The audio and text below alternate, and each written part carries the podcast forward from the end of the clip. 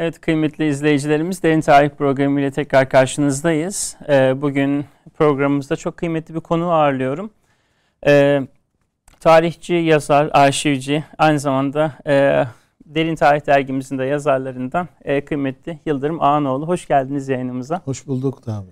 Çok teşekkür ederim davetimizi kabul Rica ettiğiniz ederim, için. Çünkü e, tam da böyle Balkanlarla ilgili e, daha fazla belki de dikkatli olmamız gereken günler malum. Onu da şimdi ilerleyen dakikalarda konuşacağız. E, gündemin e, yoğun e, maddelerinden bir tanesi bugünlerde Balkanlar. Evet. E, ama ben şöyle e, Rumeli coğrafyasıyla başlamak istiyorum. Hani hep bir Rumeli Rumeli diyoruz ama yani Rumeli dediğimizde sizin zihninizde ne canlanıyor? Yani sınırlar olarak Rumeli nereyi kapsıyor ya da hani belki de bazen bazı tanımlar haritaların da ötesine geçiyor. Ben şimdi İstanbul'da Bayrampaşa'da yaşıyorum. Hani bizim oralar Rumeli gibi aslında böyle baktığınız zaman İstanbul'un da aslında tam merkezinde böyle Rumeli aslında fiilen yaşıyor. Bu yönüyle siz Rumeli dendiği zaman ne anlıyorsunuz ya da sizin gönül dünyanızda Rumeli nereye tekabül ediyor? Yani Rumeli bizim coğrafyamız. Her şeyden önce gönül coğrafyamız.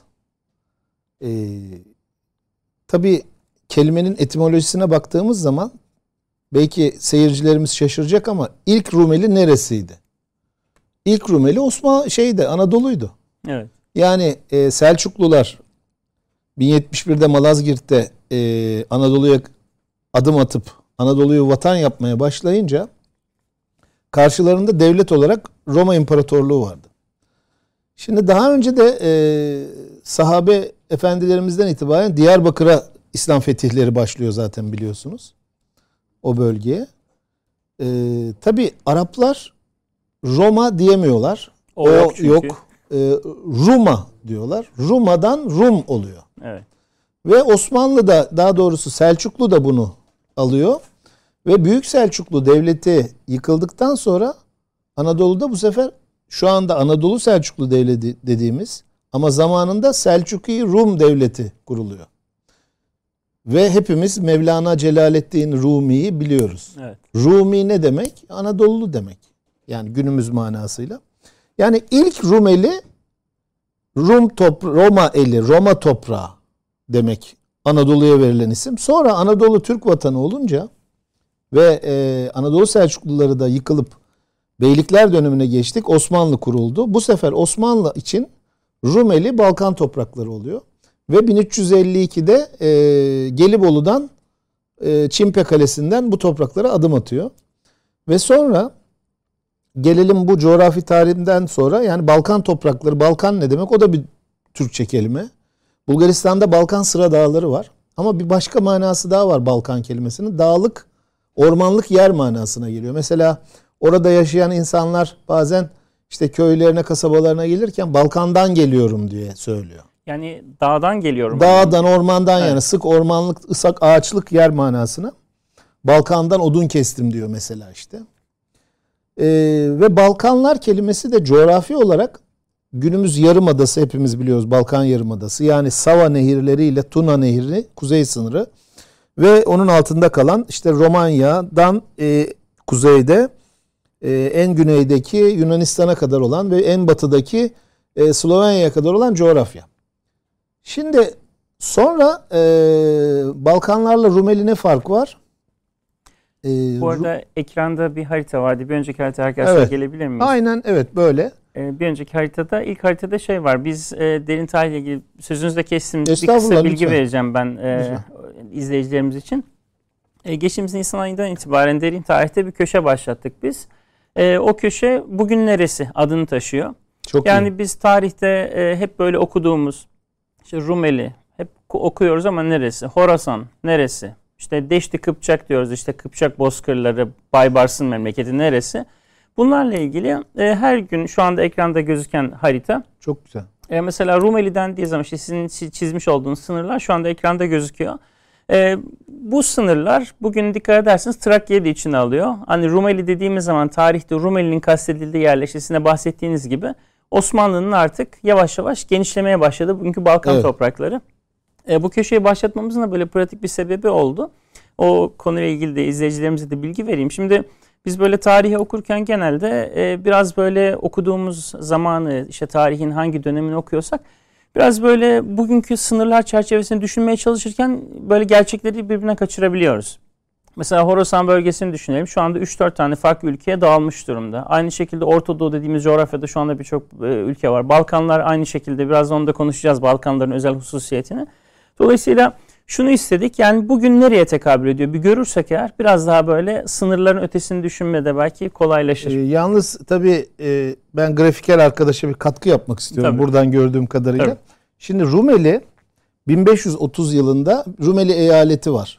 Osmanlı'nın kurduğu kanuni evet. E, döneminde. Ve sınır Tuna. Yani evet. şu anda Tuna'nın kuzeyini de almış arkadaşlar. Orası Eflak Boğdan. Orası ha, evet. Rumeli değil. Ha, evet. Dolayısıyla onu bir düzeltmek gerekiyor. Tamam. Ee, ama şu haritaya baktığımız zaman günümüz Balkanlar siyasi coğrafyasını görüyoruz. Evet. Balkanların fiziki coğrafyası 505 bin kilometre kare ama siyasi coğrafyası 780 küsür kilometre, 780 evet. bin küsür kilometre kare. Şimdi burada fark ne?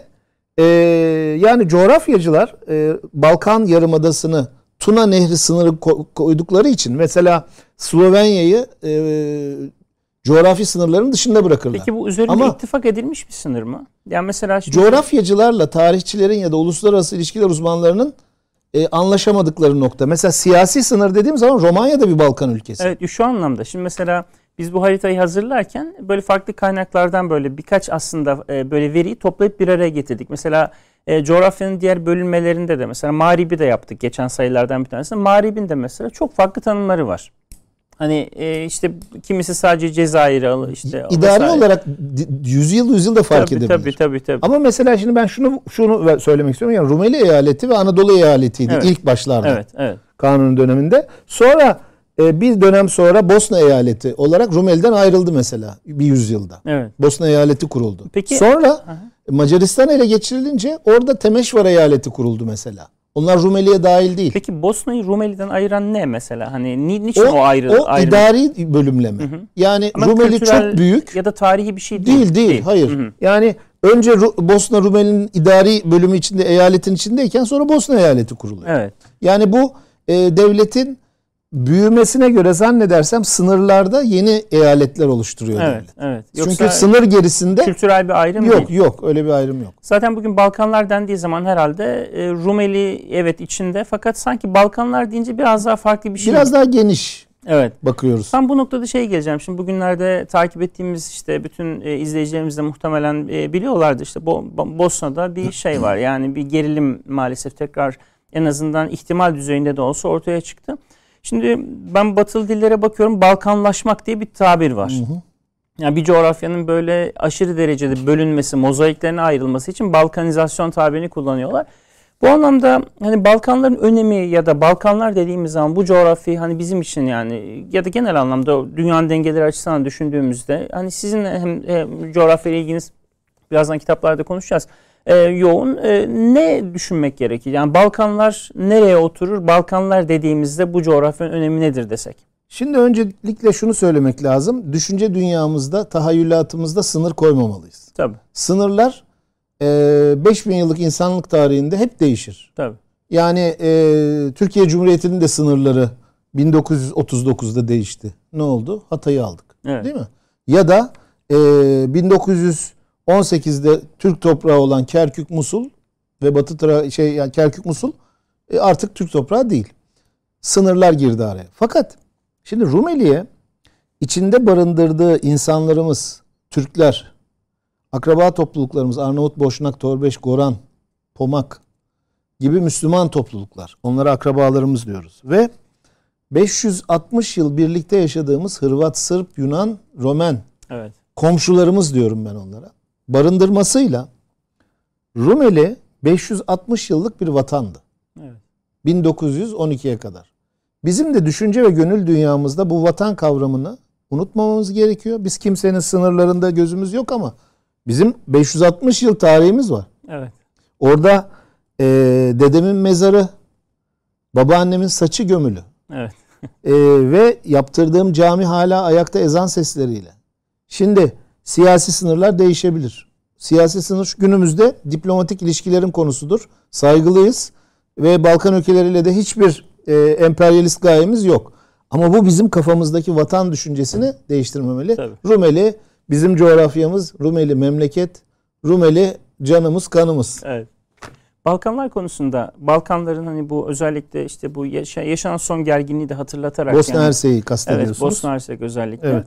Yani bu anlamda hani e, şöyle bir şey var. Hani girişte balkanizasyon ya da balkanlaşmayı evet. vurgularken biraz onu söylemeye çalıştım. Yani sanki öyle bir yorum yapılıyor ki ya bu toprakların çatışma kaderi hani ne olursa olsun bu topraklarda illaki bir çatışma kaçınılmaz gibi yorumlar yapılıyor. Özellikle işte bu Sırp liderin çıkışından falan sonra bir yaklaşık iki haftadır falan. Şimdi bu açıdan bakınca hani hakikaten orada yani e, o coğrafyanın hususiyeti nedir? Yani siz bu açıdan baktığınızda çünkü hani ırk olarak baktığımız zaman temelde yani Boşnakların, Sırpların, Hırvatların nihayetinde e, aslında işte Katoliklik, Ortodoksluk, Müslümanlık üzerinden de aslında kimliklerini belirlediklerini biliyoruz. Bu açıdan bakınca siz mesela Balkanların geleceğinde illa böyle bir çatışmayı kaçınılmaz görüyor musunuz yoksa bunun bir çaresi var mı? Şimdi e, bu Balkanlardaki çatışma ve balkanizasyon Balkanlı devletlerin suçu değil. Tabii. Kimin suçu? Emperyalistlerin suçu. Ta Osmanlı döneminden beri. Yani tarih boyu Balkanlar e, çok etnik, yap, çok multi etnik, multi din, çok yapı, etnili, çok dinli bir yapı. E, bir kere dünya kültür tarihinde eski dünya dediğimiz Avrupa ve e, Arap coğrafyasının Afrika'nın birleştiği o eski dünyada Akdeniz havzasında üç dinin bir arada yaşadığı üç merkez var. Yani Yahudilik, Hristiyanlık ve Müslümanlık. Bunların yaşadığı, üç dinin bir arada yaşadığı üç merkez var. Kudüs, İstanbul, Saraybosna. Evet. Diğerlerinde de var küçük çaplı ama en büyüklerini saydım. Bunlardan bu üç büyük merkezden ikisi Balkanlarda. Evet. Üç büyük dinin yaşadığı. Peki Osmanlı zamanında 560 yıl parçalanmamış da niye şimdi balkanizasyon olmuş? Demek ki balkanizasyonun arkasında emperyalizm var. Evet. Ve günümüzde de maalesef güç odakları Amerika, Avrupa Birliği ve Rusya Balkanlarda hala e, hakim olmaya çalışıyor orada e, üzerine oynadığı devletlerle. Bunlardan birisi şu anda Rusya'nın desteklediği ve Sırbistan'ın desteklediği Bosna Sırpları dediğimiz. Evet. Biliyorsunuz Bosna 1996'da Dayton Anlaşması Amerika'nın bir üstünde dikte ettirildi. Zorla imzalatıldı. Yani e, tehdit edildi orada Ali İzzet Begoviç o anlaşmayı imza etmesi için. Evet. Ve e, Boşnak ordusu Sırpların elindeki Banyoluka'ya gittiği için 1995 sonunda Amerika devreye girdi ve savaşı bitirdi. Evet. Yoksa Sırplar tamamen Sırp ordusu yenilecekti. Bosna bugün e, müstakil, e, içinde Sırp Cumhuriyeti'nin olmadığı bir yapı olacaktı. Çok kısa Sırp Cumhuriyeti %49 topraklara sahip federasyon olarak. Evet. E, Boşnak Hırvat Federasyonu %51'e sahip. Bu ikisi birleşince Bosna Hersek Devleti ortaya çıkıyor. Evet. Bu %49 toprağa sahip olan %33 nüfuslu Sırplar düşünebiliyor musunuz? Nüfusun %33'ü ama toprakların %49'una sahip. Aklıma Filistin geliyor hep gene. Evet. Aynı 47'deki o meşhur evet. paylaştırma gibi. Aynen evet. öyle. Yine parçalama var, evet. yine bölme evet. var, evet. yine emperyalizm evet. var. Şimdi Dodik denen e, lider, Sırp lider, Bosna Sırp e, entitesinin e, başkanı o ki e, Bosna Hersek Cumhurbaşkanlığı Konseyi var. Bu ülkeyi yöneten üçlü bir konseydir bu. Bir Hırvat üye, bir Boşnak üye, bir Sırp üye. Evet. Dodik de Sırp üyedir orada.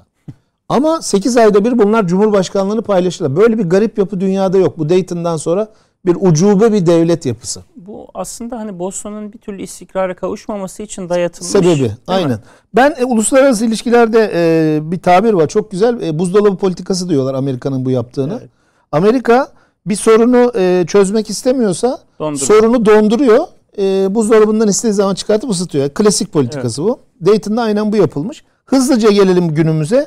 Dodik ne yapmaya çalışıyor? Dodik diyor ki artık bu devlet yürümüyor diyor. Dolayısıyla ben diyor kendi ordumu kuracağım. Kendi e, anayasamı yapacağım. İşte yani bağımsızlığa doğru adım adım gideceğim diyor. Ve onun bir adım sonrası da kendi niyeti defalarca söylediği için biliyoruz. Ben Bosna Sırbi, Sırplarının yaşadığı coğrafyayı Sırbistan Cumhuriyeti'ne bağlayacağım diyor. Hemen yanındaki Sırbistan Cumhuriyeti. Evet. Sırbistan şu anda sessiz kalıyor. Çünkü Türkiye ile ilişkileri iyi. Avrupa Birliği'ne girmek istiyor. E, biraz gölgede gibi kalıyor. El altından Dodi'yi destekleyen, kışkırtan tabii ki onlar evet. ama görüntüde bir şey yapmıyor. Arkada Dodik sırtını Rusya'ya dayamış. Rusya'ya dayamış. Ve e, yani Putin biraz Dodi'yi e, bu noktada şey gibi kışkırtıyor gibi görünüyor. Evet. İnşallah böyle bir kriz çıkmaz. Çünkü Birinci Dünya Savaşı'nda da Saraybosna'dan çıktığını düşünürsek evet. Allah muhafaza etsin tekrar bir krizin yaşanması bazı kıvılcımlara bakıyor. Ve e, Türkiye hemen daha birkaç gün önce e, Bakir İzzet Begoviç, Hı hı. Ali İzzet Begoviç'in oğlu eski Cumhurbaşkanlığı konsey üyesiydi biliyorsunuz. Geldi bir görüşme yapıldı. Mutlaka e, önemli konulara değinilmiştir. Bu konuda tedbirler alınıyordur. Evet. Savaş çıkmaz diye düşünüyorum. Hı hı. Böyle temenni ediyorum ama savaş çıkarsa eskisi gibi 1992-95 gibi olmaz. Yani Öyle bir Türkiye yok. evet. Öyle bir dünya, öyle bir konjonktür yok. Evet. Sırplar o kadar da duruma hakim değiller. Zararları ne olur? Evet. Ama bir şey deniyorlar. Tabii ki evet. insanlar e, savaşın çıkması hiç kimse arzu etmez. Çünkü orada sonuçta insanlar masum siviller ölecek. Evet. Yani bu deli adamın, bu Dodik'in durdurulması lazım. Bu da uluslararası dış baskılarla olacak ki Dodik defalarca burada ağırlandı. Evet. Cumhurbaşkanımız başbakanken, cumhurbaşkanı iken defalarca gitti. Eski başbakanlarımız orada mekik diplomasisi yaptı. Yeter ki orada bir kıvılcım çıkmasın. Evet. Diplomasiyle işler yürüsün. Türkiye bu noktada elinden geleni yapıyor. Ama Türkiye kamuoyu da şu anda 39 dernek, Bosna Sancak Derneği ve Rumeli dernekleri açıklama yaptı. Hı. Ee, Bosna Hersek Dostları Vakfı açıklama yaptı. Ee, hükümeti ve kamuoyunu uyardılar. Mesela siz de burada bu sorumlu yayın anlayışınızda bunu sordunuz. Teşekkür ederim. Ol. Çünkü biz bir tarih programı yapıyoruz. Ama, Ama günümüze de değinmek Tarihi zorundayız. güncelden koparmak hele Balkanlar Tabii. söz konusu olduğunda mümkün, mümkün, değil. Tabii. Aynen öyle. Durum kısaca böyle. Tamam. Şimdi e, tarihin şimdi tarihteki kısmına geleceğim. Şimdi masada e, sizin yayınlamış olduğunuz kitaplar var. Hakikaten e, eskiden beri e, böyle e, tabii tanışmamız yeni ama gıyaben eserleriniz üzerinden ben sizi biliyorum. Özellikle Üsküp, Üsküp kitabı şimdi sohbetimizin ilerleyen e, dakikalarında da inşallah konuşacağız.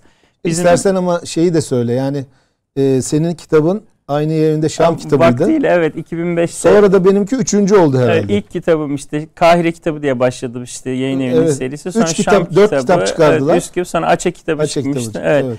Şimdi şeyden başlamak istiyorum. Özellikle hem e, kitaplarınızı da şöyle e, o, izleyicilerimiz için göstermek istiyorum. Balkanların makus talihi göç Osmanlı'dan Cumhuriyet'e.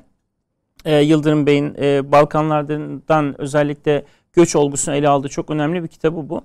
Şimdi ben tabii aile hikayenizi de hani e, bildiğim için e, şunu sormak istiyorum. Yani oralardan buraya göç, özellikle hani ailenizin Balkanlardan İstanbul'a intikali ve onların bulduğu İstanbul. Aa, çok e, Yani- uzun birkaç Tabii, şey, tabii. aşamalı soru oldu. Uzun uzun ama çok böyle hani Ee, kısa. Tabii özetleyecek olursak yani o Evet. dönemdeki İstanbul tabii siz de İstanbul'da dünyaya geliyorsunuz ve siz de Evet. nihayetinde aslında onların yetiştiği İstanbul'a ucundan siz de yetişiyorsunuz. Ee, ş- belki O İstanbul'u sonra bir daha sor lütfen. Şu şeyi bitirelim önce. Göçü ve aile hikayesi. Tamam. O İstanbul da güzel bir soru. Çünkü Tamam. Onu sonra lütfen hatırlat. Tamam. Şimdi e, şöyle rahmetli babam e, Sancak'ın Bosna'nın eski bir parçası olan Yeni Pazar Sancağı'nın Osmanlı'nın deyimiyle Prepol günümüzdeki ismiyle Priyepolye şehrinde O doğmuştu. zaman şu kitabı O da zaman son gösterelim. kitabımızı Çünkü gösterelim. e, Priyepolye Yıldırım Bey'in son kitabı e, Bosna İstanbul yolunda bir sancak şehri. Evet Bosna İstanbul yolunda bir sancak şehri ki e, şimdi birazdan konuşacağız. Üsküp e, anne memleketi, Evet, Priyepolye Priyepolye baba, baba memleketi. memleketi. Yıldırım Bey hem annesinin hem babasının memleketini kitaplaştırarak E, aslında bir- bir, vazife yerine bir getirmiş oldu. evlat vazifesi, bir vefa örneği ve e, muhacirlere e, göç yollarında hayatını kaybeden, acı çeken, e, aç kalan, sağlıklarını kaybeden, vatanlarını kaybeden insanlara bir vefa örneği olarak bunları yazmak zorunda hissettim Evet. kendimi. Bir muhacir ailesi çocuğu olarak. Evet. Şimdi her şeyden önce e, dünyanın en güzel muhaciri Resulullah Efendimiz'den. Evet. İlk hicreti biz onunla yaşadık, onda öğrendik. O mübarek insanda e, öğrendik ve Mekke'den Medine'ye hicret etti. Ve muhacir kelimesi ve kavramı e, biz Müslümanların gündemine girdi. Daha sonra bu hep İslam tarihi boyunca hicret ve muhacirlik hiç bitmedi. Toprak alıp toprak kaybetme ile devamlı yaşanan bir süreç oldu maalesef bu. Bunun olumlu tarafları da var mutlaka ama çoğunlukla acı, Acı. e, içinde barındırıyor. Olumlu taraflarını sonra belki bir başka programda konuşuruz derinlemesine. Şimdi benim annem Üsküp doğumlu. 1934 Üsküp doğumlu. Babam 1929 Priyapolya doğumlu. Dedem yani Ahmet dedem babamın babası Osmanlı vatandaşı olarak cebinde Osmanlı nüfus kağıdı taşıyarak 1904'te doğdu. 1904. Okula 8 yaşın 7 yaşında başladı. Osmanlı İlkokulu'na gitti. Ve 1912 denen o meşhum tarih geldi. Balkan Harbi çıktı. Ve Osmanlı Balkanlardan çekilmek zorunda kaldı. Bilindiği üzere e, Bosna Hersek'i 1878'de Osmanlı kaybetti Evet. fiili olarak. 1908'de de önce işgal etti Avusturya Macaristan sonra 1908'de de ilhak etti. Onun 7. sancağı olan sancağı Osmanlı'ya bıraktı ki o da bir 40 yıl daha Osmanlı toprağı olarak kalabildi. Burada yoğunluklu olarak Boşnak e, Müslümanlar yaşıyordu. E, tabii ki Sırplar vardı. Arnavutlar az da olsa vardı bu, bu Yeni Pazar sancağında. Sonra e, dediğim gibi babam e, 1929 doğumlu 3 yaşındayken İstanbul'a geliyor. Evet. Bir göçmen, bir muhacir çocuğu olarak. Annem 1934 doğumlu ama 1955'te İstanbul'a e, hicret etmek zorunda kalıyor. Göçmen kelimesi e, 1950'li yıllarda bizim literatürümüze girmiş bir kelime. Daha Yani önce göç- Osmanlı belgelerinde Göçmen olarak, kelime olarak. muhacir Hmm. olarak geçiyor. Zaten Ee, macir kelimesi de oradan geliyor galiba değil mi? Macir diye Macir. kullanıyorlar ya. Bizim Trakya'da macir derler. Evet. Muhacirden Muhacir macir. macire dönüşmüş. Evet. Ee, şimdi hatta böyle birçok şehrimizde gerek Rumeli'de gerek şeyde Anadolu'da macir mahallesi Tabii, derler. tabii, tabii. Yani onlar yerleşmiş şeklinde. Şimdi tabii annem de 18 e, 21 yaşında bir genç kız olarak İstanbul'a geliyor. Ve onlar İstanbul'da evleniyorlar. 1968'de de ben doğuyorum. E, tabii hep aile hikayelerinde e, onları dinledik. Bir çocuğun yetişmesinin annesi çok önemlidir. Ben bu noktada kendimi biraz Yahya Kemal'e benzetiyorum. Çünkü Yahya Ke- şu noktada benzetiyorum. Haddimiz değil edebiyatçılığına ve e, sanatkarlığına benzemek. E, kendisi Üsküplü ve onu yetiştiren annesi. Evet. Beni de aslında ilk yetiştiren annem. Bana ilk kültürü veren, bana memleketini tanıtan.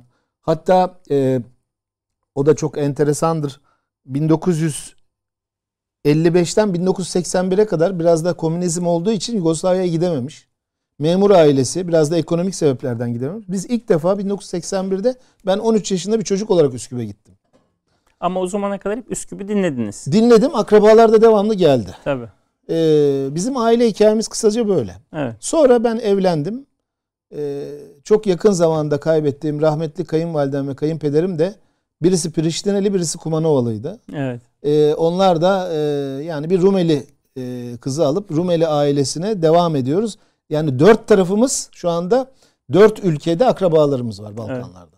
Bu aslında dediğiniz gibi çok büyük bir zenginliği de bir arada beraberinde getiriyor Beraberinde aslında. getiriyor. Ama işte ama yine söylediğiniz gibi yani o göçün, e, hicretin, Acısı. muhacirliğin tabi acısı, geride bırakılan şeyler, belki e, geldiği zaman bulunamayan Evet. işte bir takım şeyler. E, çok kısa İstanbul'da soracağım. Evet. O dönemin İstanbul'u. Şimdi siz geçen e, dergimizde e, Sirkeci'deki otogarı yazdınız. Vaktiyle oradaki otobüslerin bizim tabii hayal edemediğimiz bir şey. Ondan önce de Edirne Kapı ve Altın Kapı'yı Edirne yazdık. Kapı, Altın Kapı ve e, rahmetli e, Evet. Sinkiler de oraya defnedildi malum Evet. onun hikayesi üzerinden. E, şimdi o dönemin İstanbul'unda tabii hani nihayetinde İstanbul'da imparatorluğun eski başkenti. E, geldiklerinde e, nasıl bir ortam bulmuşlar? Şimdi malumunuz hep böyle entegrasyon sorumludur. Hani bir yere gidersiniz orada uyum süreci vesaire falan yaşanır. Şahit olduğunuz ya da sizin böyle size anlatılan nasıl bir şey vardı orada? Her şeyden önce öncelikle ikisi farklı annemle babam. Çünkü an- babam İstanbul'un eee, Cumhuriyet'ten sonra İstanbul çok ihmal edilmiş durumda. Hı hı. Çok fakir bir durumda. Babamın çocukluğu eee, yani düşünebiliyor musunuz? 11 yaşındayken 2. Dünya Savaşı çıkıyor. Ve Evet. İstanbul'da yaşıyor bunu. Ekmek karnesini yaşıyor. evet. Ve e, fakirliği yaşıyor. E, zaten muhacir bir aile. Zor gelmişler buraya. Mal yok, mül yok, mülk yok. Dedem terzi olarak çalışma gayretinde, ailesini doyurma gayretinde. Ama e, İkinci Dünya Savaşı'nın zor şartlarında ekmek karnesi uygulanınca bir kere ekmek yok. Ne yerdiniz deyince babama cevap veremiyordu. Hmm. Yani şehirde e, açlık çok daha zor. İstanbul'un Ama köylerde kendi buğdayınız ya da işte ineğinizi sağarsınız bir süt, bir peynir biraz bulma ihtimaliniz ama şehirde o imkanınız da yok. evet. Dolayısıyla çok zorluk yaşamışlar 6 sene boyunca. E, çok fakirlik çekmişler. Annem nispeten biraz daha rahat bir İstanbul'a gelmiş 1955'te. Evet. Yani Menderes döneminde. Tabii. En azından onlar dayım gelince hemen e, işte Yedikule'de yerleşmişler. E, Kazlı Çeşme'de derici olmuş Faik dayım. Tek Hı hı. dayım vardı. Ya ailesine hemen geçimini temin etmeye başlamış ve 1955'teki gelen muhacirler şu açıdan şanslı İstanbul'a. İstanbul'un müthiş bir iş gücü açığı var. Tabii. Ee, Taşı toprağı altın olduğu dönem. Yeter e, yani e, kalifiye eleman aranıyor. Yani Evet. bir mesleğin var mı? Saraç mısın? Ayakkabıcı mısın? Terzi misin? O zaman dericilik aileden oradaki Tabii oradan meslekleri. oradan Hı. yani e, dayım e, oradan dericiliği öğrenmiş. E, orada meslek okuluna gitmiş. Dericiliği öğren burada da devam ettirmiş. Şimdi e, annem bu e, nispeten tabii onlar da zorluklar yaşamışlar ama babam o ekmek karnesini yaşaması açısından çok enteresan. Mesela ben sadece küçük bir hatıramı anlatayım babamdan dinlediğim. E, Edirne Kapı'dan Eminönü'ye kadar yürürmüş. Bazen gazete satarmış. E, Küçükken o yazıyor eski e, Hmm. Türk filmlerinde işte İstanbul'da işlenen cinayeti yazıyor diye bağıra bağıra gazete satarlarmış. Ve oraya gidip e, cebindeki 3-5 kuruşla büyük balık kafaları alırmış. Şimdi dedim ki balık kafası ne? E, balık alamıyoruz ki dedi. Ha, kafasını alıyor sadece. Kafa büyük torik kafaları. İşte onu alacak, pişirecek ondan çıkan birazcık eti o büyük kafalardan. Evet. Onları 6 tanesini işte 25 kuruşa, 75 kuruşa veriyordu balıkçı. Yani o dönem o, o, oranda bir fakirlik söz konusu. Ben Evet. tabii çok üzülürdüm buna. Ve sonra tabii bizim bunu anlamamız mümkün değil. Yani ben de 80'li yıllarda bir memur çocuğu olarak yetiştim ama babama göre ben zenginliğin en Evet. yükseğini yaşadım. Şimdi benim çocuklarım e, saraylarda yaşıyorlar. Evet. Saraylarda yaşıyorlar şöyle. Ben de bir memurum ama şunu kastediyorum. Kısaca onu vurgulayayım. Ben Osmanlı Şehzadesi'nin mutfağında bir haftalık pişen tayinatı biliyorum. Evet. En lüks şey pirinç ve tavuk. Bu arada sizin arşivde çalıştığınızı da hatırlatalım izleyicilerimiz Evet, için. e, Hani eyvallah. bu bilgiye ulaşmanızın da çok pratik bir Eyvallah. sebebi var. Şimdi e, şehzadelerin sofrasındaki en lüks şey yani saraydaki en lüks şey pirinç ve tereyağı ve e, tavuk eti ise o zaman benim sofram şimdi çocuklarım diyorum ya bizim hepimizin bir saraylarda yaşıyoruz. Oradan yani bu abartı gelmesin. Gerçekten böyle. Evet. Şimdi e, kalan süremizde biraz Üsküp özel olarak konuşmak istiyorum. Çünkü hani girişte de bahsettiğim Üsküp sizin anne memleketi. Bir de siz anne vatan diyorsunuz Evet. girişte. öyle Yani bir kelime oyunu yaptık orada. e, niçin o kelime oyunu? Oradan başlamak istiyorum. Şöyle, Çünkü o dikkat çekici bir Ee, baş. Günümüzde biz şimdi e, Rumeli çalışan bazı dostlarla şu kararı veriyoruz. Türkiye'ye ana vatan denemin, demenin yanlış olduğunu düşünüyoruz. Türkiye'de vatan, orası da vatan. Evet. Birisi kaybedilmiş vatan, birisi elhamdülillah elimizdeki vatan. Bu kadar. Birine ana vatan ya da Kıbrıs'a yavru vatan demek çok doğru değil. Hı hı. Ee, bunlar sanki kavramlar tabii biz koymuyoruz bu kavramları. Motherland'den geliyor herhalde ana vatan kavramı biraz. Yani ben önce bunu vurgulayarak başlayayım. Sonra neden anne vatan dedim? Annemin doğduğu şehir olduğu için. Evet. Bir kelime oyunu yaptım. Biraz ilgi çeksin diye orada. Evet. Başka bir gayesi yok. O zamanlar kitap 2008'de yazıldığında ben de daha ana vatan diyordum Türkiye'ye. Evet. Ama görüşler değişince, yavaş yavaş olgunlaşınca çünkü bir yere ana vatan derseniz öbür tarafı artık terk etmiş oluyorsunuz. Kültür dünyanızda da terk etmiş oluyorsunuz. Yani zihin olarak Zihin evet, dünyanızda siz onu unutmuş, yok saymış oluyorsunuz. Şimdi bizim Üsküp hala e, bir memleket. Evet. E, ama Makedonya Cumhuriyeti'nin başkenti olabilir. Ama orada Türkler yaşıyor, Arnavutlar yaşıyor, Boşnaklar yaşıyor, Torbeşler yaşıyor. Yani camilerimiz açık. 20'ye yakın cami açık. Osmanlı zamanında 120 camisi olan Üsküp'te bugün 20 cami kalmış. Evet. bu- Ama çok şükür ki devam ediyor. Evet. Ezan sesleri yankılanıyor. Çünkü ben 13 yaşında Üsküp'e gittiğimde sosyalist bir idare vardı. Ve ezanlar caminin içinde okunuyordu. Hoparlörle okunması yasak. ha, yasaktı o dönem tabii. Ben onu yaşadım. Tabii. Ve sonra gittiğimde çok şükür şu anda hoparlörler açık. Tabii. Çünkü Şimdi- Makedonya Cumhuriyeti bağımsız. E, Şimdi Üsküp'le ilgili tabii biz hani Üsküp deyince daha çok Yahya Kemal'le bir bağlantı kuruyoruz Evet. malum. Demin kendisini de andık. Şimdi e, bu yönden bakınca işte hayal şehir olarak hani Üsküp anar malum. Şimdi e, siz böyle Üsküp deyince hani hem dinledikleriniz hem yaşadıklarınız, ziyaretleriniz ki kitap zaten bunun hatıralarıyla dolu. Diğer kitaplar da aynı şekilde. E, Üsküp'ü hiç bilmeyen birine anlatsanız ya da yani Üsküp'le ilgili şöyle bir giriş yap dese birisi size mesela. Nasıl bir giriş yaparsınız? Ne anlatırsınız? Valla ben e, Yahya Kemal'in o dizesini çok bildiğini söyleyeyim. Üsküp Gişardağ'ında devamıydı Bursa'nın diyor. Evet. E, bir lale bahçesiydi dökülmüş temiz kanın diyor. Çok güzel bir e, kaybolan şehir şiiri var. Evet. Ama adını beğenmiyoruz. Yoksa şiir çok Hı hı. güzel. O kaybettiğimiz için o, o şehri koymuş. Bizim için Üsküp kaybolmadı. Ee, hala duruyor. Orada akrabalarım yaşıyor. Hala annemin akrabaları görüşüyoruz. Daha gelmeden önce telefonda görüştüm. Ee, Üsküp'teki akrabalarıma selam olsun. Ee, insanlarımız yaşıyor. Kültür dünyası olarak e, yakın zamana hala Türkçe gazete çıkıyor. Evet. Türkçe radyo televizyon devam ediyor. Türkçe tiyatro var Üsküp'te. Yani Üsküp'te ne Türkçe öldü, Evet. ne Türklük öldü, ne İslamiyet öldü. Evet. Dolayısıyla bizim için Üsküp bu. bizim coğrafyamız, gönül coğrafyamızın unutulmayacak bir şehri. Ben her Üsküp'ü ziyaretimde e, böyle o işte taş köprü hikayesini de anlatıyorsunuz. E, halkın dilinde artık taş köprü olarak yerleştiği e, ile ilgili bir bölüm de var. Hep böyle hani karşı tarafa geçince gördüğüm Üsküp'le hani heykellerle sürekli doldurulan donatılan işte şehrin işte daha böyle Müslüman kesiminin Müslüman yaşadığı. kesiminin kalenin etrafını falan düşündüğümde e, bu ayrım aslında böyle hani düşündüğünüzde böyle acı verici bir ayrım gibi geliyor bana. Yani siz mesela bu yönüyle baktığınızda yani Üsküp'ün şimdiki halinde ne, ne görüyorsunuz, ne hissediyorsunuz? Şimdi şöyle eskiden Üsküp e, daha çok e, kale altındaki mahalleler daha e, yaşanıyordu. Hristiyanı Müslümanı gene bir arada yaşıyordu. E, tabii ki Taşköprü'nün karşısında da kurulan Hristiyan mahalleleri vardı. Hristiyanların çoğunluğu orada yaşıyordu ama orada aynı zamanda muhacir mahallesi de vardı. Evet. 1878 göçmenlerinin yerleştirildiği. E, orada Faik Paşa Mescidi vardı mesela. Yıkıldı şu anda. Şimdi bu e, sonra e, artık mesela benim annemin çocukluğunda rahmetli annem 3 9 yaşındayken 3 lisan biliyor. Türkçe, Arnavutça, Makedonca. Neden? Evet. Çünkü arkadaşları hep öyle. Arnavut, Makedon hepsini oradan öğrenmiş.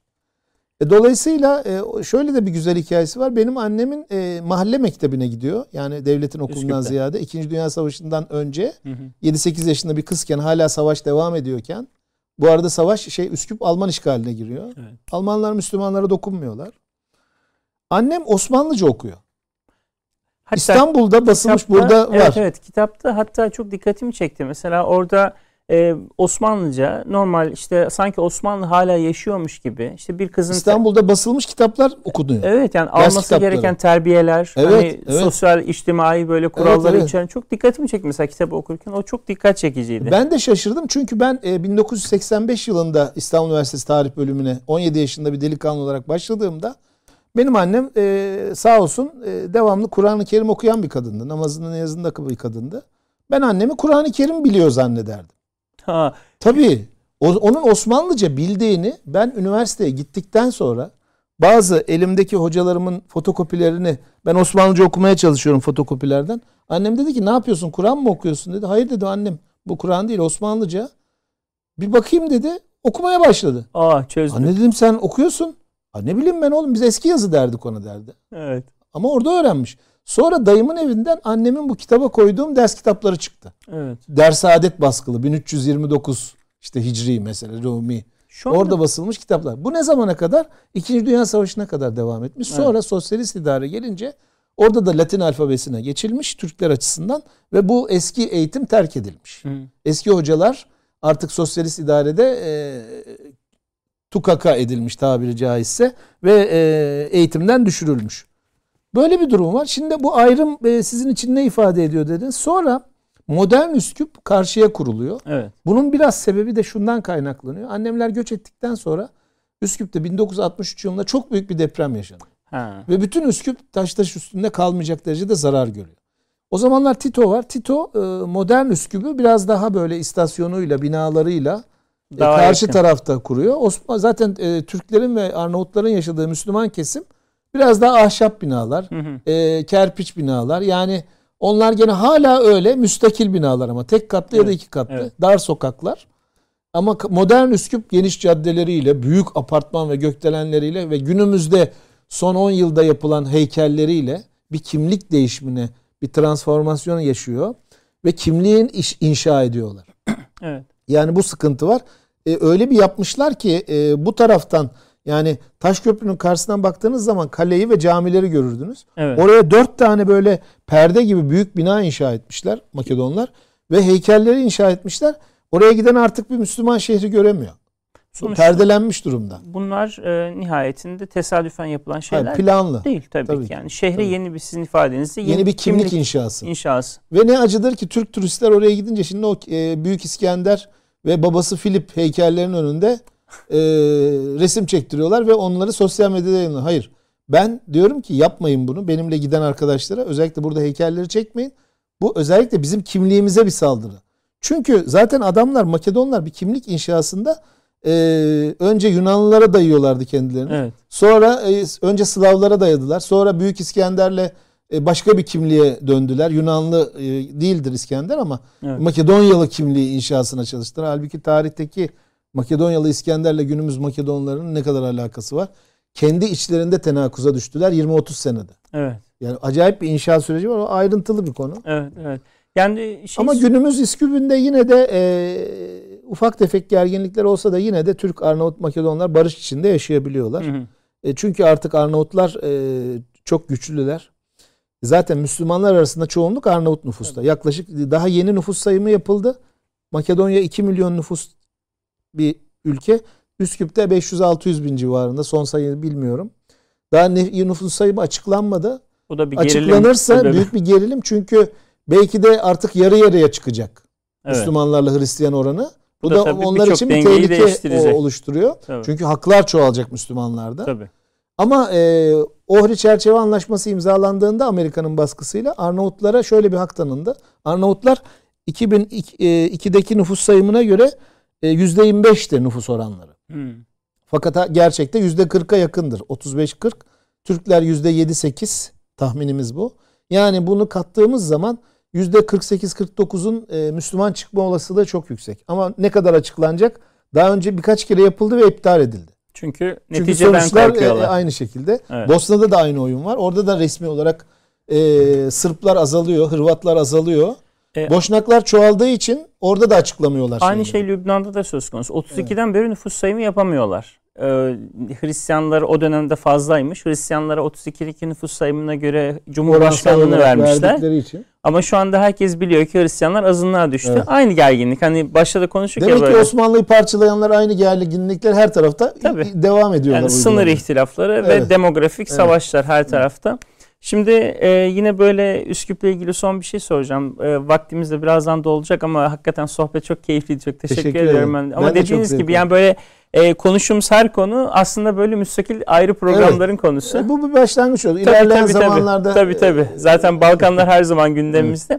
E, şey soracağım hani o e, söylediniz ya e, anneniz böyle Osmanlı'dan kalma materyallerle ya da e, eğitim sistemiyle e, işte o kimliği aslında koru, aslında kimliği korumasına da o belki de e, yani yani yardımcı olmuş. Şimdi şu, bugün mesela günümüze dair konuşacak olursak Üsküp'te mesela nasıl bir e, şey var? Hani İslami anlamda eğitim sistemi anlamda oradaki Müslümanların mesela ileride kimliklerini hala korumaya devam etmelerine yardımcı olacak bir sistem mevcut mu? O konuda ümit var olabilir miyiz? Ne dersiniz? şöyle e, Üsküp sisteminde bizim İmam Hatip muadili medreseler hala devam ediyor. orada. Evet. Mesela İshak Bey Medresesi Hı hı. var, İsa Bey Medresesi var. Onlar e, hafız e, ve e, hoca ve müezzin yetiştirmeye devam ediyorlar. E, tabii buradan Türkiye'den bir takım cemaatlerin de orada bir takım okulları ve Hı hı. e, çalışmaları da sürüyor. Maalesef FETÖ terör örgütünün orada işte okulları vardı. Hala da bir kısmı azalsa da devam ediyor. Onlar Marif Vakfı'na devredilmedi. Hı hı. Hala orada çok güçlüler. Evet. Bu dezavantajımız var. İnşallah o sorun da halledilir. Ee, tabii bunun yanında e, Türkiye'nin e, Uluslararası Balkan Üniversitesi var orada açtığı. Evet. E, o da güzel bir çalışma. E, yani İslam'ın muhafazası dünyanın her yerinde aynı problem. E, modern dünyada. İslam'ın muhafazası ve gençlerin yetiştirilmesi ha Üsküp ha Türkiye aynı sorun Tabii. devam ediyor diye cevaplayabilirim. Ama e, en azından kültürel olarak camilerin açık olması, e, canlı bir Ramazan hayatının devam etmesi, zekat müessesesinin en azından Müslümanlar arasında devam etmesi. Medrese geleneğinin sürmesi. medresenin en azından modern olsa da yani Evet. modern bir okul binası ama medrese ismiyle Evet, evet. devamı ve e, kelime olarak hoşuma gidiyor. En azından Reisül Ulema diyorlar mesela bizim Diyanet İşleri Başkanlığı evet. karşılığı olarak e, ulema meclisi reisi gibi anlamak Evet. lazım onu. E, yani aslından uzaklaşsa da tekkeler devam ediyor. Ohri'de ve Üsküp'te. Ohri Halveti Hayat Tekkesi ki bir tanesi Evet, o evet. çalışmamdır. Evet, onu da onu da göstermek isterim. Aynen gösterelim onu da e, Ee, kıymetli izleyicilerimiz. Ohri Halveti Hayati Asistanesi şeklinde. E, Ohri ziyaretimizde biz de ziyaret etmiştik burayı. Evet. Hakikaten havası bile e, Evet. yetiyordu gerçekten. Üsküp'te de bir Rıfai Tekkesi var mesela Evet. halen açık olan. En azından folklorik de olsa bazı şeyler devam ediyor. E, bunun dışında e, Üsküp'te, Kalkandelen'de, Ohri'de çok rahat Türkçe konuşarak gezebilirsiniz. E, şöyle de güzel bir şey var. Biz burada dizilerimizi çok beğenmiyoruz. Biliyorum ben Evet. e, kendi adıma konuşayım. Senin de aynı fikirde olduğunu zannediyorum. Ama bizim dizilerin öyle güzel bir tarafı oldu ki Balkanlardaki Türkler zaten Türkçe konuşuyordu. Arnavutlar zaten hani konuşmaya çalışıyorlardı. En azından ticaretle uğraşanlar, turizmle uğraşanlar ki zaten Türkçe yaşıyordu. E, fakat bu Türk dizileri Balkanlardaki Hristiyanlara Türkçe öğretti. Evet, o Bu güzel. Mesela Belgrad'da şu anda Türkçe kursları örnek veriyorum ya da Üsküp'te Yunus Emre merkezimiz var işte devletimizin açtığı. TİKA'nın güzel çalışmaları var böyle hızlıca söylemek gerekirse. Daha da iyi olmasını e, arzuluyoruz. Mesela ben e, çok ilginçtir. Ohri'de kitabı yazarken Ali Paşa Camii vardı. Minaresi yıkılmış. Geçen sene Vakıflar Müdürlüğü minaresini yaptı. 100 yıl sonra yaklaşık. 80 yıl sonra. Şimdi bunlar çok güzel şeyler. Çünkü minare bir camiyi o kadar değiştirdi ki oranın görünüşü değişti. Tabii manzarası, her şey değişti. Değişiyor. Yani e, yapıyoruz daha e, çok da yapmamız gerekiyor. E, ama canlı bir e, Türk ve İslam kültürü yaşıyor çok şükür. Çok teşekkür ediyorum. Hakikaten dediğim gibi bitmesini istemediğim bir sohbet oldu. İnşallah izleyicilerimiz de eminim keyif almışlardır. E, kitaplarınızı, eserlerinizi inşallah daha nice nice hem programlara hem eserlere diyelim. Çok teşekkür ederim katıldığınız için. Ben teşekkür için. ederim. Sağ olasınız. Çok sağ olunuz. Hayırlı günler diliyoruz teşekkür size de. ederiz. Evet kıymetli izleyicilerimiz şimdi kısa bir aramız var. Ondan sonra programımızın ikinci bölümünde beraberiz. Programımızın ikinci bölümüyle karşınızdayız. Tarihte bu hafta olan önemli olayları konuşacağız.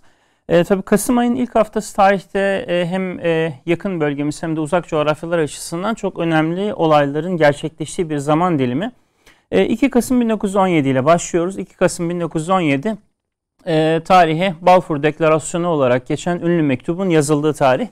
E, İngiltere'nin e, dönemin Dışişleri Bakanı Arthur James Balfour tarafından e, İngilizlerin e, Yahudi Yahudilerin e, İngiltere'deki e, temsilcilerine gönderdiği bir söz, bir mektup, bir söz bu, bir taahhüt bu. E, Filistin topraklarının e, Yahudiler için bir vatan olması sürecini İngiltere'nin bütün gücüyle destekleyeceğini söylüyor Balfour. Yani kendilerine ait olmayan bir coğrafyayı, orayı hiç hak etmeyen bir topluluğa, yani orada hakkı olmayan bir topluluğa böylece vaat etmiş oluyor ve derken sonrası maalesef e, bütün dünyanın çaresizlikle ve acıyla izlediği bir trajedi süreci. Fotoğraflarda da görüyorsunuz. Balfour daha sonra Kudüs'te İbrani Üniversitesi'nin bizzat açılışına, açılışına da katılarak 1925'te vermiş olduğu bu sözün devamını da getirdi. E, ikinci başlığımız yine bu hafta 2 Kasım yine aynı gün 2 Kasım 1964'te bu defa Suudi Arabistan'a geçiyoruz. 2 Kasım 1964'te Suudi Arabistan'da bir taht değişimi yaşandı. Suudi Arabistan Kralı Faysal bin Abdülaziz müsrif olduğu gerekçesiyle tahttan indirilen ağabeyi Suud'un yerine geçti. Ee, Körfez ülkelerinin ve petrol zengin Arap ülkelerinin bugünkü halini düşündüğümüzde bir kralın müsrif olduğu gerekçesiyle tahttan indirilmesi çok ütopik gelebilir bize. Ama tarihte bu gerçekleşti ve Faysal 2 e, Kasım 1964'te tahttan indirilen ağabeyi Suud'un yerine geçti. 11 yıl tahta kalmak ve 1975'in ee, 25 Mart'ında öldürülünceye kadar İslam dünyasında önemli bir ülkeyi, en önemli ülkelerden bir tanesini yönetmek üzere. Üçüncü başlığımızda e, biraz uzak bir coğrafyaya gideceğiz. Bu defa yine çok önemli bir hükümdarın, e, Babür hükümdarı Evrengzib'in, Babürler hükümdarı Evrengzib'in doğum tarihine gideceğiz. 3 Kasım 1618 e, Evrengzib Babürler devletinin çok önemli bir hükümdarı. Çünkü kendisi e, yaklaşık 50 yıllık saltanatında devletin sürekli olarak e, büyümesine e, hizmet etmiş bir insan. 1658'de babası meşhur Şah Cihan'ı tahttan indiriyor. Babasının tahttan indirmesinin sebebi de yine babasının özellikle şu anda ekranda da görmüş olduğunuz Tac Mahal başta olmak üzere birçok kültür ve sanat yatırımına olması gerekenden daha fazla bütçe ayırması. Babasını şu anda yine fotoğraflarda gördüğünüz e, Agra Kalesi'nin Müsemmen Burcu'na yani Sekizgen Burcu'na göz hapsinde tutarak e, Evrengzip 1707'de vefatına kadar başta kalıyor. Fo- fotoğrafta Evrengzip'in kabrini görüyorsunuz. Bir hükümdar e, kabrine hiç yakışmayacak derecede mütevazi. E, diğer bütün Babür hükümdarlarının son derece büyük e, anıt mezarlarda yattığını da düşününce e, bu vesileyle Evrengzip'in de doğum gününü bu haftada e, analım, kendisini hatırlayalım istedik. Dördüncü başlığımız bu defa yine yakın bir coğrafyadan. 4 ee, Kasım 1995'te e, İsrail'de önemli bir suikast gerçekleşti. İsrail Başbakanı İshak Rabin, Yigal Amir isimli bir Siyonist tarafından, bir Yahudi yerleşimci tarafından öldürüldü. İshak Rabin'in öldürülme gerekçesi e, yeterince Siyonist olmamasıydı. Halbuki İshak Rabin yeterince Siyonist denemezdi, değil denemezdi. Çünkü kendisi 1948'de İsrail'in kuruluş sürecinde, daha sonra 1967'de Kudüs'ün işgalinde, daha sonra 1973 ve diğer önemli savaşlarda, çatışmalarda sürekli meydanlarda olmuş bir asker. Fakat Birinci intifadada 1987'de Hamas ortaya çıkınca Fethiye muhalif olarak ve e, Fethi'nin alternatifi olarak bu defa İsrail yönetimi Arafat yönetimiyle yakınlaşmak suretiyle aslında Filistinlilerin saflarını ikiye ayırmış oldu. Fakat bu İsrail'in tabanında o kadar radikal bir adım olarak değerlendirildi ki aslında İsrail'in kendi iyiliği için atmış olduğu bu adım İshak Rabin'in sonunu getirdi ve 4 Kasım 1995 akşamı Tel Aviv'de düzenlenen bir barış mitinginin ardından Yigal Amir isimli bir yerleşimci kendi başbakanını, Yahudi başbakanını yeterince Siyonist olmazda suçlamasıyla e, silahla, tabancayla vurarak öldürdü. Tabi e, İsrail'de bir başbakanın yerleşimci bir Yahudi tarafından öldürülmesi gerçek anlamda bir şoka yol açtı. Ve e, İsrail'de sonraki ilk seçimde yani 1996-95'teki ilk seçimde e, 96 yılında Benjamin Netanyahu iktidara gelmek suretiyle aslında yerleşimcilere çok büyük bir taviz verecek olan birisi başa gelmiş oldu. Ee, yakın tarihe baktığımız zaman İshak Rabin suikasti gerçek anlamda İsrail devletini şekillendiren önemli dönüm noktalarından birisi olarak tarihe geçti. Beşinci olarak e, bu defa 1914'ün Kıbrıs'ına gidiyoruz. E, 5 Kasım 1914'te e, Britanya Krallığı Kıbrıs adasını ilhak etti. Resmen Birinci Dünya Savaşı'nın başlangıcı ile birlikte Kıbrıs Adası 1878'de e, Osmanlı tarafından İngilizler üs olarak kullanılmak üzere kiraya verilmişti. Bu fotoğrafta arkadaşlar duralım çünkü arka arkaya 3 tane fotoğraf var burada oldukça önemli onları konuşmamız gerekir. Birinci olarak 1878 yılı itibariyle şu anda ekranda sabit gördüğünüz fotoğrafta Kıbrıs'taki camileri görüyorsunuz. Yani Kıbrıs'ın her tarafında camiler, mescitler ve e, Kıbrıs'ın bir Müslüman Türk adası olarak kimliğinin oturmasına ve yerleşmesine yardımcı olan dini müesseselerin hepsinin e, görüntüsü bu haritada mevcut. Yani 1878'den daha sonra 1914'te adanın İngilizler tarafından ilhakına ondan sonra da günümüze gelen süreçte değişimin aslında hangi boyutlarda olduğunun çok önemli bir göstergesi bu. Bundan sonraki fotoğrafta e, bu defa e, Kıbrıs'ta e, Türk mezarlıklarını görüyoruz. E, eğer e, izleyicilerimiz ekrana dikkatle bakabilirlerse adanın yine her tarafında işte ortadaki Trodos dağlarının e, sarp yamaçları kısımları hariç Türk Müslüman Türk mezarlıklarını görüyoruz. Burada da yine aynı şekilde e, adanın demografik dengeleriyle ilgili, adadaki Müslüman Türk nüfusun dağılımı ile ilgili çok önemli bir gösterge mevcut. Nihayet üçüncü mezarlıkta, e, üçüncü fotoğrafta ee, yine e, Kıbrıs'taki Evkaf çiftliklerini görüyoruz 1878 yılı itibariyle. Yani adanın e, Osmanlı İmparatorluğu tarafından İngiltere'ye kiralandığı, üst olarak kullanmak üzere kiralandığı sürede Evkaf yani vakıfların çiftlikleri Yine aynı şekilde adanın kimliği ile ilgili çok önemli göstergeler. Fotoğrafları ben bir Kıbrıs ziyaretim sırasında oradaki Evkaf binasında bizzat kendim çekmiştim. Yani tarihten günümüze e, hangi gelişmelerin yaşandığı ile ilgili oldukça önemli göstergeler. Şimdi e, ikinci bölümün ikinci kısmına geçiyorum. Kitap tavsiyeleri bölümümüze. E, geçen programdan hatırlayacaksınız.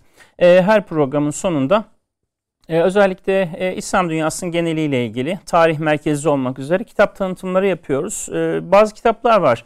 E, ya bugüne kadar bu kitap nasıl çevrilmemiş, bu kitap nasıl unutulmuş denilecek bir kitap. E, şu anda o kitap elimde. George Antonius'un Arap Uyanışı isimli meşhur, kitabı. E, bu kitap 1930'larda ilk defa kaleme alındıktan sonra özellikle Arap milliyetçiliğinin seyri, e, Arap milliyetçiliğinin e, Osmanlı İmparatorluğu'nun dağıldıktan sonra coğrafyanın şekillenmesindeki rolü ile ilgili gerçekten temel bir metindi. Fakat Türkiye gibi e, yani görünüşte İslam dünyasıyla, Arap dünyasıyla bu kadar ilgili bir ülkede George Antonius'un Arap Uyanışı isimli temel metninin daha geçen sene Türkçe'ye çevrilmiş olması hakikaten düşündürücü. E, birinci kitabımız çok güzel bir tercümesi de yapıldı. E, Mehmet Akif Koç ve e, Muhammed Karakuş. Bu arada Mehmet Akif Koç çok önemli bir mütercim, çevirmen. Kendisinin yeni bir kitabı, çok önemli bir kitabı daha piyasaya çıkıyor. Şimdi yeni bir tercümeyi daha bitirdiğini sosyal medya hesabından ilan etti. Kendisine bereketli çalışmalar diliyoruz. İkinci kitap e, Ketebe yayınlarından yine çok önemli bir kitap. Endülüs, Dünyanın İncisi, Ortaçağ İspanya'sında örnek bir medeniyet. Kitabın özelliği zaten e, yazarı e, Maria Rosa Menokal e, alanın en iyi isimlerinden bir tanesi. Kendisi maalesef şu anda hayatta değil ama e, kaleme aldığı eserler gerçekten Endülüs'ün her yönüyle anlaşılmasında vazgeçilmez metinler. E, bu kitabı okurken şunu fark ediyorsunuz. E, Endülüs tabi bizim ülkemizde özellikle bir takım sloganlara ya da romantik paylaşımlara kurban gidiyor. Ama kitabı okuduğunuzda tarihin bazı acı gerçekleriyle de karşılaşıyorsunuz. Yani Endülüs medeniyeti yükselirken hangi bedellerle ne şekilde yükseldi, dağılırken ve çözülürken hangi hatalar yapıldı, nerede hangi yanlışlar yüzünden Endülüs'teki o muhteşem medeniyet kayboldu. Bunun için hakikaten Menokal'ın kitabı vazgeçilmez bir metin.